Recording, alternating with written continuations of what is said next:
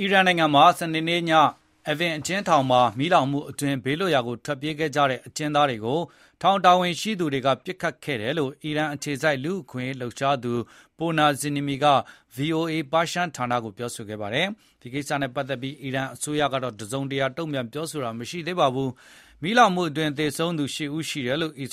ရန်အစိုးရက ပြောဆိုပေမယ့်လည်း သေဆုံးသူအရေအတွက်ဟာ အသေအချာ မသိနိုင်သေးဘူးလို့ Nazemi ကပြောဆိုခဲ့ပါတယ်။ဆေးရုံတော်တော်များများကို အသင့်ပြင်ခိုင်းထားပါတယ်။အဲဒီဆေးရုံတွေမှာ အစောင့်တွေတင်းကြပ်စွာချထားပြီး ဘယ်သူ့ကိုမှ ဝင်ရောက်ခွင့်မပေးဘူးလို့လည်း လူ့အခွင့်အရေးလှုပ်ရှားသူ Nazemi ကပြောပါတယ်။အကျဉ်းသားအတော်များများဟာ သူတို့မိသားစုတွေနဲ့ ဆက်သွယ်လာခြင်းမရှိသေးဘူးလို့ လူ့အခွင့်အရေးလှုပ်ရှားသူတွေက ပြောပါတယ်။အစိုးရဆန့်ကျင်ရေး ဆန္ဒပြပွဲတွေ ဆက်လက်ဖြစ်ပွားနေစဉ်မှာ အကျဉ်းထောင်မီးလောင်ခဲ့တာပါ။ဒီအကျဉ်းထောင်မှာ နိုင်ငံရေးအကျဉ်းသားတွေနဲ့ အနောက်နိုင်ငံတွေနဲ့ ပတ်သက်ဆက်နွယ်သူတွေကို ချုပ်နှောင်ထားပါတယ်။ အာဏာရှင်သေဆုံးပါစေဆိုတဲ့ကြွေးကြော်သံတွေအပါအဝင်ဆန္ဒပြသူတွေရဲ့ကြွေးကြော်သံတွေကိုအကျဉ်းထောင်အတွင်းကကြားနိုင်မှာပါလို့လည်းလူ့အခွင့်အရေးလှုပ်ရှားသူ Nazemi ကပြောပါတယ်။မီးလောင်မှုကတော့အကျဉ်းသားတဦးနဲ့အကျဉ်းထောင်တာဝန်ရှိသူတဦးတို့မသင့်မတင့်ဖြစ်ရာကနေအကျဉ်းသားက